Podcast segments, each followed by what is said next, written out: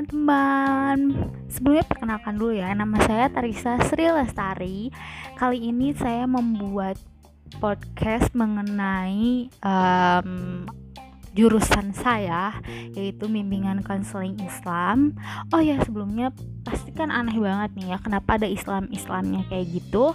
Uh, saya itu kuliah di Universitas Negeri Islam di Bandung. Yaps, UIN Sunan Gunung Jati Bandung. Dan saya ngambil jurusan bimbingan dan konseling Islam. Tepatnya itu jurusannya ada di Fakultas Dakwah dan Komunikasi. Jadi kalau misalnya mau mencari saya Tarisa Sulastari bisa tanyain jurusan. Bisa tanyain lewat jurusan bimbingan konseling Islam dan fakultasnya Dakwah Komunikasi Nah banyak banget ya ini yang nanya ke aku mengenai um, mengenai tentang jurusan aku ini bimbingan konseling Islam.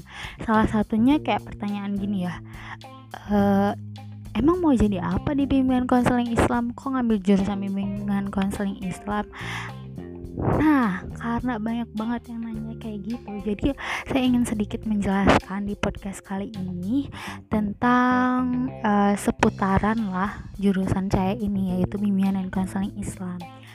Kalian tahu kan bimbingan dan konseling pasti rata-ratanya cuma taunya itu gitu bimbingan dan konseling ya biasanya bimbingan dan konseling itu sering ada seperti kayak psikolog psikolog seperti itu dan juga yang kalian tahu adanya bimbingan konseling pastinya di sekolah-sekolah dong mengenai tentang BK tentunya ya kan yang seputaran tentang BK. Nah di jurusan saya kali ini yang tentang bimbingan dan konseling Islam sesuai dengan namanya jurusannya nih bimbingan dan konseling Islam tentunya ada Islam-Islamnya.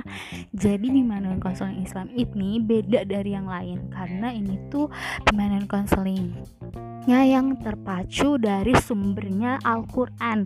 Kan biasanya bimbingan konseling yang lain itu uh, mengarahnya ke pengetahuan barat ya. Kalau misalnya bimbingan dan konseling Islam ini yang saya pelajari mengarahnya juga tujuannya itu bukan tujuan sih sumbernya itu dari Al-Quran nah apa aja sih yang bisa dilakukan nih oleh bimbingan dan konseling Islam ini? Pekerjaan apa saja? Tentunya banyak dong ya teman-teman. Bukan hanya menjadi bukan hanya bisa menjadi guru BK aja loh tapi juga bisa menjadi uh, perawat di rumah sakit. Kalian tahu kan perawat di rumah sakit yang biasanya sih ada di beberapa rumah sakit um, swasta ya rumah sakit Islam Islam gitulah ya yang tentang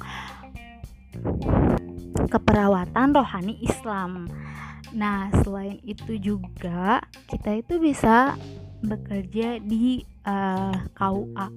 Kok KUA sih menjadi penyuluh di KUA tersebut? Misalnya penyuluh penyuluh di KUA kan banyak nih ya. Misalnya itu kayak uh, mengurus tentang perceraian bisa. Terus juga um, kita sebagai pengulu, uh, penyuluh pernikahan pranikah gitu.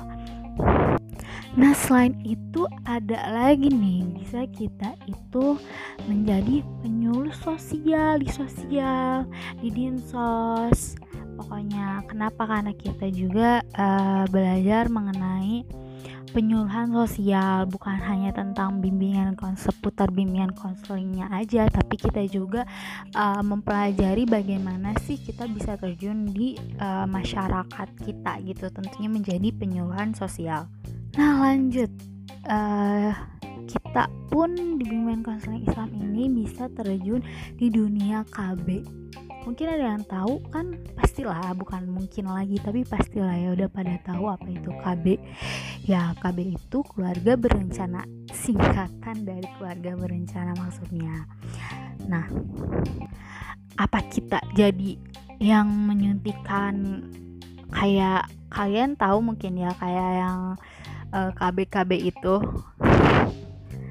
Nah, pekerjaan kita di, di penyuluh KB ini itu kita memberi sosialisasi biasanya kepada desa-desa atau warga-warga bagaimana kita uh, bisa menggunakan KB gitu. Kepada biasanya ibu-ibu di sekitaran eh, desa-desa ter tertentu yang tentunya pasti ada kampung KB tapi setiap desa biasanya ada kampung KB-nya dan kita memberikan penyuluhan di kampung KB tersebut. Bagaimana cara kita uh, memakai KB dan macam apa saja yang ada di KB itu apa aja sih macamnya seperti itu. Nah, selain itu, salah satunya juga yaitu bisa menjadi guru BK di sekolah-sekolah. Bukan hanya nah, bukan hanya ternyata bukan hanya apa namanya profesinya tuh cuman di sekolah saja ya teman-teman. Tapi uh, banyak luas gitu di jurusan saya itu tentang bimbingan dan konseling Islam ini sangat luas sekali.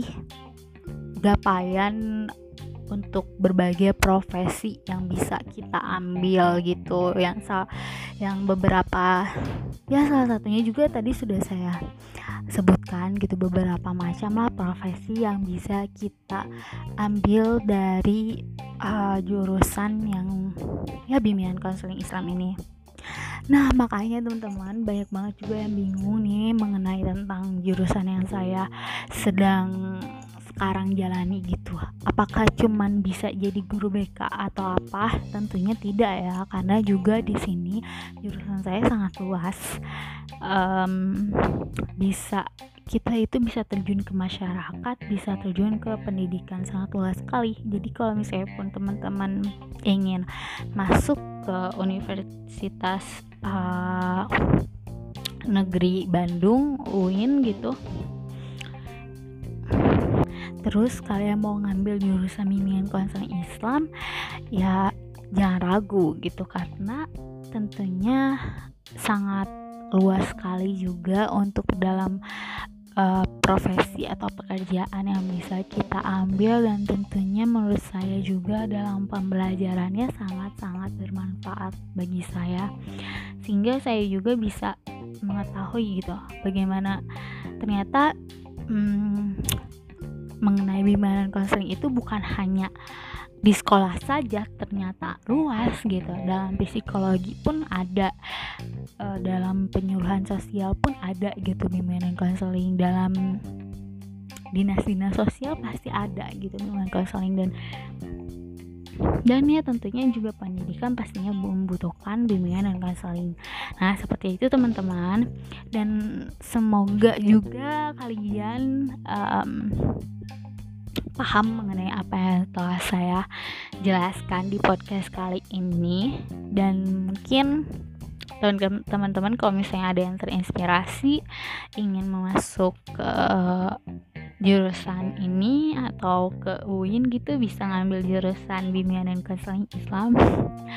Nah ya udah ya teman-teman. Mungkin segitu aja deh uh, dari aku dari saya dari aku. Ya segitu aja ya teman-teman. Hmm, selebihnya uh, saya makasih banyak sudah mendengarkan podcast ini oke sampai jumpa lagi. Bye bye